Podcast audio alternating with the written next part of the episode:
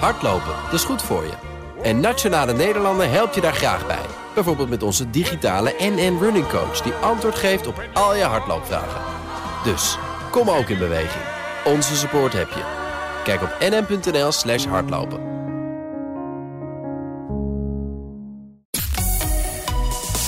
BNR Nieuwsradio. De Dutch Podcast Top 20. André Dortmund.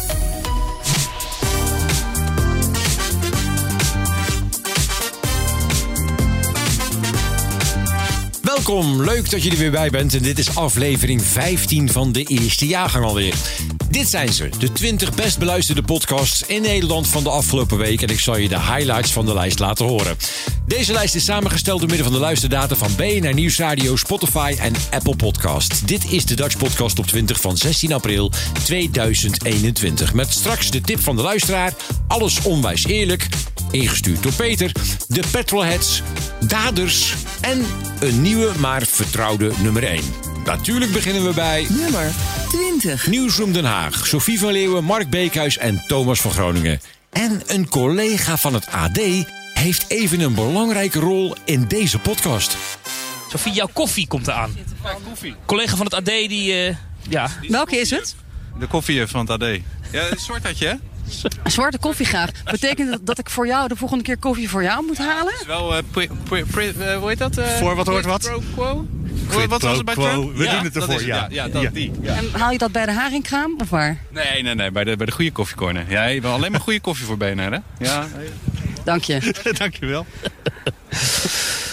Aardig hè, die collega's hier. ja, dat is Maar is dat ook zo? Want er staat hier net een enorme scrum van misschien wel 15 mensen in dit vak. Waarbij trouwens op het papier staat alleen voor 10 geaccrediteerde journalisten. Dus die waren weer zwaar in overtreding. Maar is het ontstaan hier nu allemaal vriendschappen omdat jullie allemaal Ja. uren en uren staan te wachten? Ja, ik denk dat ik heel veel vrienden Mensen- heb over aan het einde van dit jaar. Nee, maar zeker. Er is heel veel collega-tijd. Tuurlijk is er ook een beetje rivaliteit. Maar je merkt wel dat hier wel, eh, met name de jongere generatie journalisten... dat die elkaar ook de quote gunnen en de tijd gunnen... en de mogelijkheid om vragen te stellen. Wat je wel merkt, dat is, in- vind, vond ik interessant... is dat als dan zo'n momentje is... dus zo'n politicus komt naar buiten... is dat het toch wel een ongeschreven regel is... dat de, de drie grote tv-zenders... die zijn als eerste aan de beurt. Die draaien vaak ook live, hè? zo op Ja. Politiek 24 of zo. En dan pas... eh, Maar net als in de persconferentie eigenlijk, is er ook altijd eerst wie zal ik het woord geven? NOS. NOS. Ja, ik en, vind en dat die ook vraag niet- hoeft ja. ook helemaal niet erbij. Nee, maar ik vind dat ook niet zo erg eigenlijk. Want dan kan ik, heb ik de mogelijkheid na te denken... oké, wat hebben zij nou niet gevraagd, maar wat moeten we wel echt weten? En Dat Kan is, ik een stiekem best intelligentere vaak is dat nogal iets. Vraag bedenken, hè? dat wij nog intelligentere Ja, vragen Dat geeft je even bedenktijd. Ja. even bedenktijd. Zoals eh, iets over de sekswerkers. Dan laten we het daar niet weer over hebben. Maar, ehm, maar ja, hier in dit vak, en op dit moment, terwijl we dit opnemen, is Jesse Klaver binnen. Ehm, dus ik Hij glipte net tussen achter Baudet zijn, zijn rug langs. En Ja, Baudet want stond hier Baudet was hiervoor. Die stond hier de pers toe te spreken over dat hij de wereld ging verbeteren. Of dat hij dat graag over- zou willen als hij, hij de heeft kans het kreeg. over Plato gehad ook eh, met uh, Cenk Wat hebben ze over Plato besproken? Ja, dat zei er niet, maar dat zal wel iets zijn over de schimmen op de muur. Hè? Ja. En het vuur en wat is, over wat is de, werkelijkheid, en, eh, de projectie daarvan op de muur. Nummer 20, Nieuwsroom Den Haag. Elke vrijdag staat er een nieuwe voor je klaar. Sophie van Leeuwen, Thomas van Groningen en Mark Beekhuis. Nummer 19. Wat dreef Tristan? Op 9 april 2011 richtte Tristan van der Vlis een bloedblad aan in het winkelcentrum bij hem om de hoek in Alphen aan de Rijn. Toen is er een hoop onderzocht, maar er zijn na 10 jaar nog zoveel vragen. Carla en Marco gaan terug naar de Ridderhof, het winkelcentrum waar het drama had plaatsgevonden. Met een reconstructiekaartje op mijn telefoon lopen Carla en ik de exacte route die Tristan die zaterdag om 8 over 12 's middags begon. En beginnen we bij de trap die Tristan ook nam, die naar de zijdeur leidt.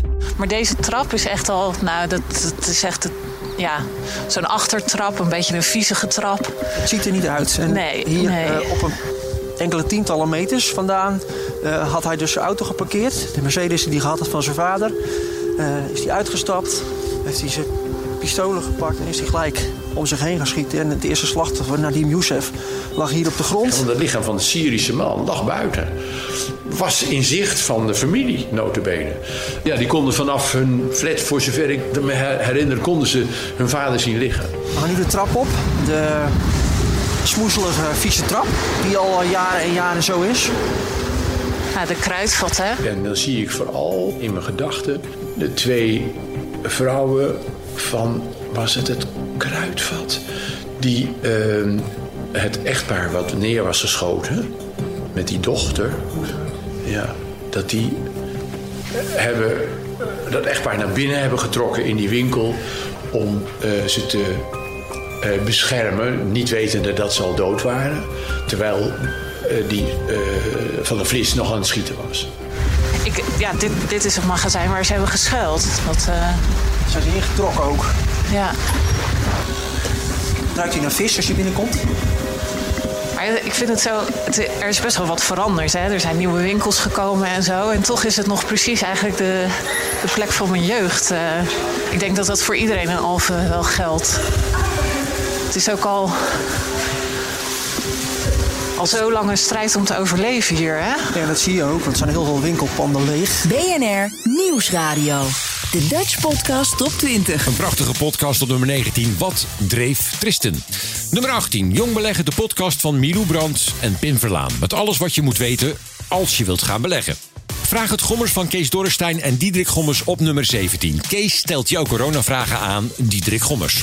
Blijven staan deze week op nummer 16. De Joe Rogan Experience. Joe praat met bekende Amerikanen over de wereld, hun leven en hun loopbaan. Nummer 15. Aflevering 175. De Petrolheads. Een podcast over auto's. Bas van Werven en Carlo Bransen. En Carlo heeft een hele vreemde manier van geld verdienen. Ik heb vanmorgen 1200 euro verdiend.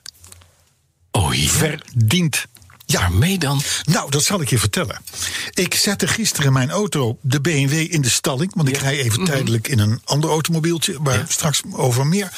Maar in ieder geval. eh, en, maar ik denk, ik denk gisteravond, ik denk, ik haal hem toch op. Want het wordt slecht weer. Die auto staat op winterbanden, die BMW. Dus dan ga ik, veel beter. Ga ik, ga ik er nu even in rijden. Maar het, het, eh, de, de deur ging niet open van het, de zender. Oh.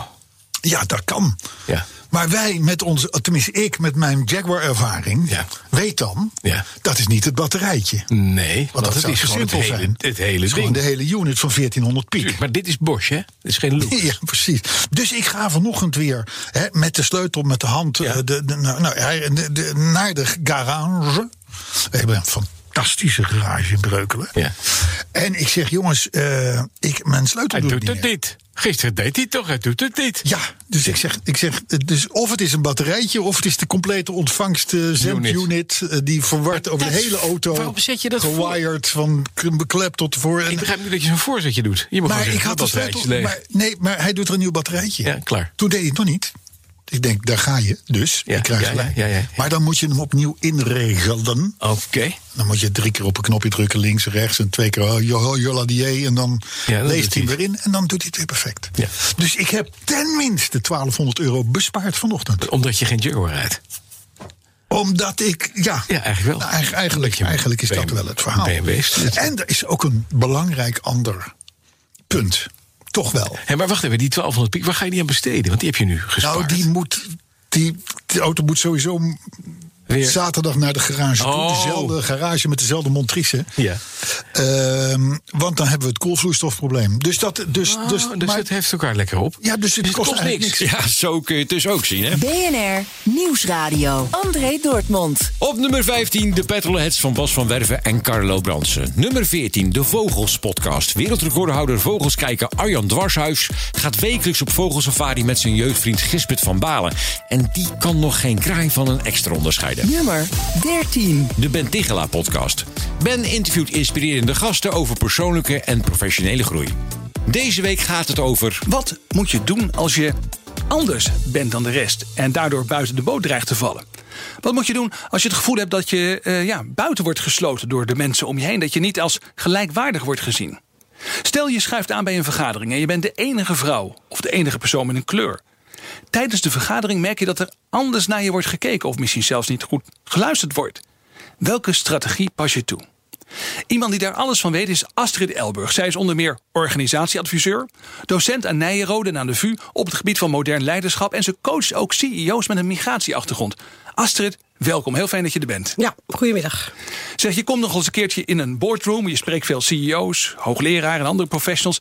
Wat zeggen zij nou hierover? Wat zijn nou hun ervaringen met buitensluiten of buitengesloten worden? Niet als gelijkwaardig worden behandeld. Wat hoor jij zoal?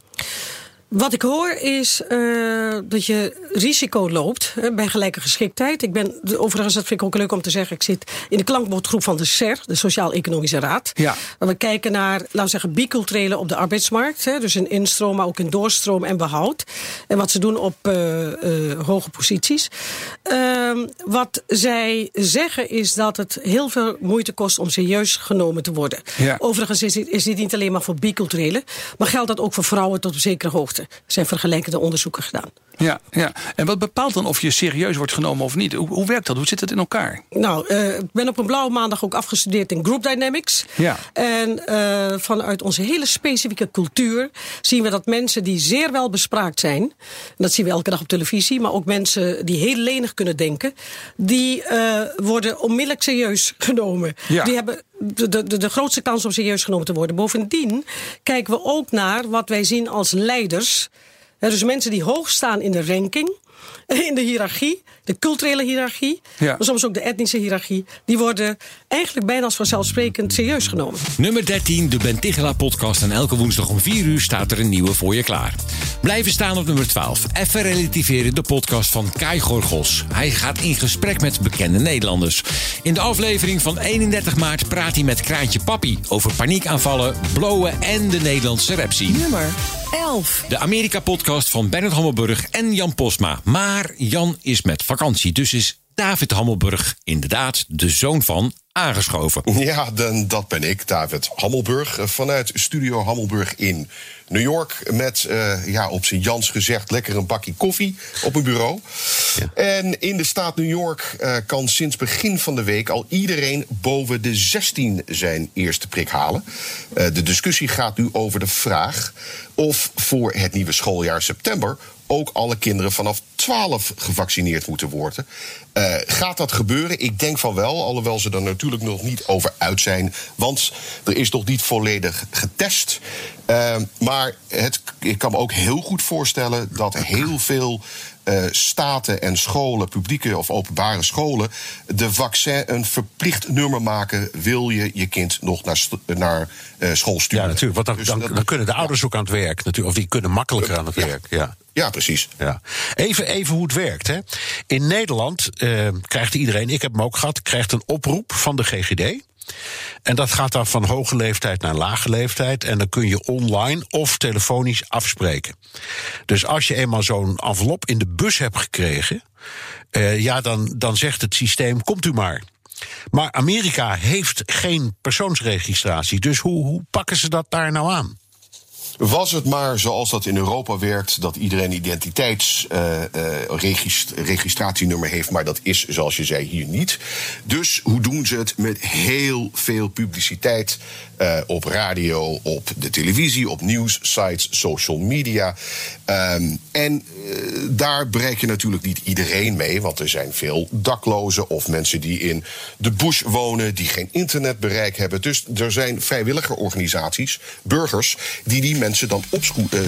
Op nummer 11 de Amerika-podcast. Deze week met Hammelburg en Hammelburg. Nummer 10. Cocaïnekoord van Jan Meels, Else van Driel en Gabrielle Ader. Zij zoeken uit hoe een Marokkaanse jongen uit het Utrechtse Vianen kon uitgroeien tot een cocaïnebaron. Op nummer 9 de Zels-podcast. Jaap Suus van Reesema en Sander Schimmelpenninck met hun leven en de wereld. De podcast tip. Normaal doen we een tip van de redactie, maar deze week een tip van een luisteraar. Peter, dankjewel. De podcast heet Alles Onwijs Eerlijk. Hij is van Ronald Venema en die heeft heel veel dagboeken geschreven over toen hij 14 was. En over alles onwijs eerlijk schreef. Hoe hij verlangde naar hetzelfde haar als Kurt Cobain van Nirvana. Maar op het voetbalveld werd uitgescholden voor Arnie. Reinhard Oerlemans die toen in het goede tijden slechte tijden speelde. Oké, aflevering 27 van deze hilarische podcast. We gaan terug naar 1 september 1995, vrijdag, 14 uur 44. Ik heb de vorige bladzijde, zoals je kunt zien, in dit dagboek helemaal zwart gemaakt met stift, omdat het een zwarte bladzijde moest zijn. Ik heb heel lang niet geschreven in mijn dagboek, vandaar die zwarte bladzijde. Maar de bladzijde is ook zwart om mijn teleurstelling in de liefde een plek te geven in dit dagboek. Ik las net terug wat ik bijna twee jaar geleden heb geschreven over Tongen met Babette. Ik dacht toen echt dat er iets moois ging komen met haar. Nou, mooi niet. Ik heb haar een dag na ons tongen nog een paar keer gebeld. Ik kreeg de hele tijd haar moeder. Na iets van vijf keer bellen kreeg ik toch Babette aan de lijn. Ze zei dat ik moest kappen met bellen, want ze vond één keer tongen met mij wel weer genoeg. Ze klonk onvriendelijk. Ik voelde me een soort van misbruikt. Het ging Babette echt alleen maar om mijn tong. Ik was teleurgesteld in Babette, maar ook in de liefde in het algemeen.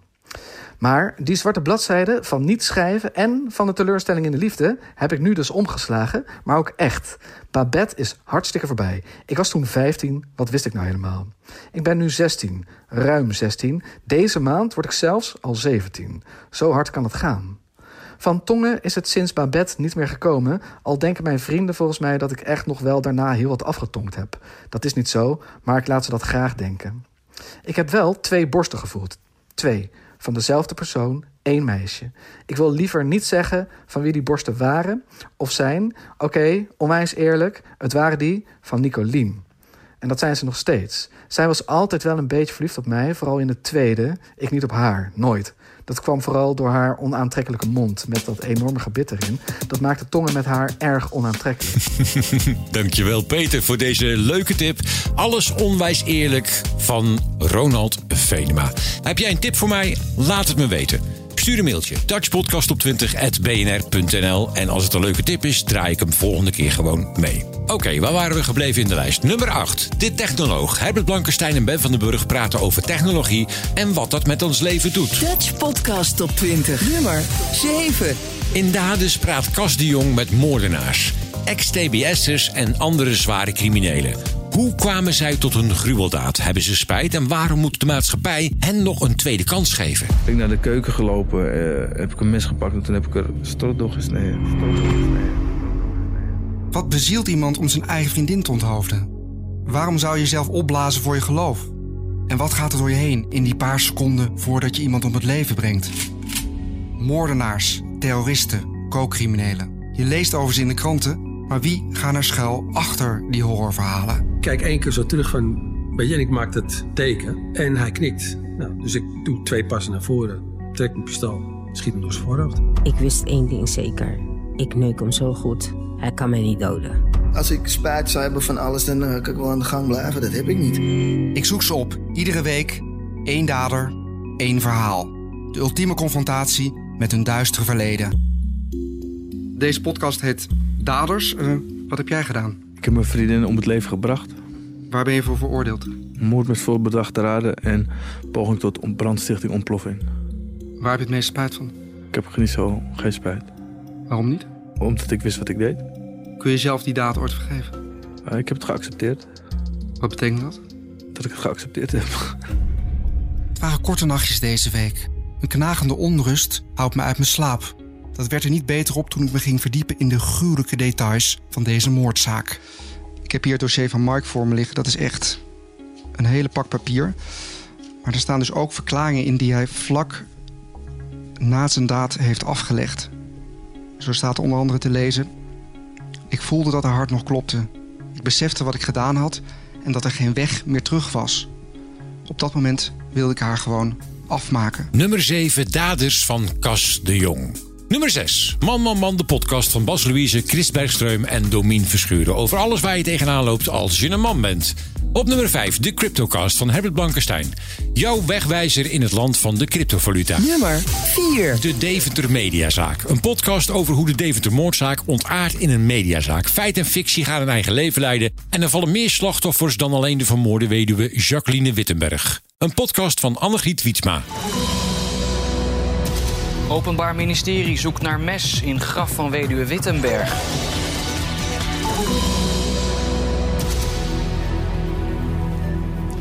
Goedenavond. Het graf van de weduwe Wittenberg in Deventer is geopend en wordt op dit moment onderzocht. De rechter had het Openbaar Ministerie daartoe opdracht gegeven. De veelbesproken Deventer-moordzaak krijgt daarmee een opzienbarende voortzetting. Het graf van de weduwe Wittenberg. Zeven jaar na haar dood wordt de grafsteen gelicht op last van de rechter. Het is de reden waarom Michael de Jong het graf niet meer bezoekt. Hij was niet meer welkom op de begraafplaats. Wat is er aan de hand? Niet lang daarvoor, bij het echtpaar Weisvis thuis. Op een dag meldt Maurice de hond zich bij hen met een nieuwe doorbraak. Nou, en dan krijg je dus meneer de Hond. Die komt hier en die zegt: Ik weet nu waar het moordwapen is. Ik zeg: Je meent het. Ik zeg: Joh, dat is fantastisch nieuws. Ik zeg: Wat geweldig, waar is het moordwapen dan? Nou, ik heb iemand op de begraafplaats gesproken en die zegt: Het ligt onder het graf van mevrouw Wittenberg. Ik zeg: Onder het graf? Hoe kan dat nou? Ik dacht meteen: Wat gek, ik heb iedereen gesproken op die begraafplaats. Ik kreeg nooit een voet aan de grond bij de begraafplaats. En hij komt ineens vertellen waar het moordwapen is. Ik zei, nou, dat is geweldig nieuws. Opiniepeiler Maurice de Hond beweert dus dat de klusjesman van de weduwe de moord heeft gepleegd. En ging vorige maand zelf op zoek naar het mes in het graf. Dit is het graf van de weduwe Wittenberg afgelopen september. Nou, we zijn aan het checken of er een mes, bijvoorbeeld zoals deze, dit is een global mes, hier uh, onder verstopt is. Of hij dan wellicht signalen krijgt die hierop lijken. BNR Nieuwsradio. Nummer 4 in de Dutch Podcast op 20, de Deventer Mediazaak. Op nummer 3, Geuze en Gorgels. Monika Geuze en Kai Gorgels, twee maatjes in één podcast over hun leven en hun vriendschap. Nummer 2, Mark-Marie Huibrechts en Afran Kosjes. Met Mark-Marie en Aaf vinden iets. Hun mening over wat er in de wereld gebeurt. Podcast op 20. Nummer 1. Een oude vertrouwde. NRC vandaag. De provincie Limburg staat op zijn kop. Na een zoveelste integriteitskwestie met in de hoofdrol weer het CDA... is het voltallige provinciebestuur opgestapt. Onderzoeksjournalist Joep Domen en correspondent Paul van der Steen... kwamen de zaak op het spoor na een anonieme tip. Het hele provinciebestuur van Limburg stapt op. Het vertrouwen ontbreekt. En zonder dat vertrouwen is het onmogelijk om ons werk voor Limburg en de Limburgers voor te zetten. Daarom dienen wij met onmiddellijke ingang als gedeputeerde onze ontslag in. Een motie van wantrouwen leidt nu tot het vertrek van de zittende gedeputeerde en gouverneur Bovens. Een politiek drama op dit eiland in de Maas. Juist. Want wat is de aanleiding geweest voor het aftreden van het bestuur daar? Wat speelt er? Ja, de directe aanleiding was een affaire rond een stichting die eh, kleine landschapselementen onderhoudt. De stichting IKL, de afkorting. Kleine landschapselementen? Ja, dat zijn, dat? heggen, eh, dat zijn hoogstambomen. Limburg heeft prachtige hoogstambomen die in dit voorjaar in bloei komen. Uh, en, maar ook kikkerpoelen en salamanderpaadjes en dat soort dingen. Dus het is een, het, wat Limburg mooi maakt, onderhoudt die stichting. En daar waren altijd heel veel vrijwilligers bij betrokken. En dat was een, een kabbelende stichting, actief. Hè, uh, en, en heel veel goed werk gedaan eigenlijk. Hè. Je zag dat ook in het landschap. Jan, kan ze uitleggen wat het IKL voor een organisatie is? Ja, IKL is een uh, organisatie die als doel heeft om uh, zoveel mogelijk mensen in te schakelen bij het beheer van natuur en landschap. En wat ik omgeef is dat mensen hun eigen omgeving een beetje kunnen veranderen ten voordele. Dus ze kunnen eens kijken in hun eigen omgeving van waar zou eigenlijk een schoon plek zijn om zo'n boom te poten. Die prachtig. Het is echt mensen ook die met heggenscharen het land intrekken om de boel mooier te maken. Juist. Maar er gebeurde iets. Er kwam een nieuwe voorzitter van het bestuur en dat was Dieudonné Akkermans. Dit was hem dan, jaargang 1, aflevering 15 van de Dutch Podcast op 20. Elke vrijdagavond om half 7 op BNR Nieuwsradio. Net na de Friday Move met Wilfred Gené. En een luistertip van jou is altijd welkom. Welke podcast moet ik nou echt eens gaan beluisteren? En als het een gave tip is, laat ik hem horen aan de rest van Nederland. Stuur hem op naar dutchpodcastop20.bnr.nl De lijst in zijn geheel vind je op bnr.nl slash dutchpodcastop20. En volgende week natuurlijk weer een verse lijst. Tot dan! Hardlopen, dat is goed voor je. En Nationale Nederlanden helpt je daar graag bij. Bijvoorbeeld met onze digitale NN Running Coach... die antwoord geeft op al je hardloopvragen. Dus, kom ook in beweging. Onze support heb je. Kijk op nn.nl hardlopen.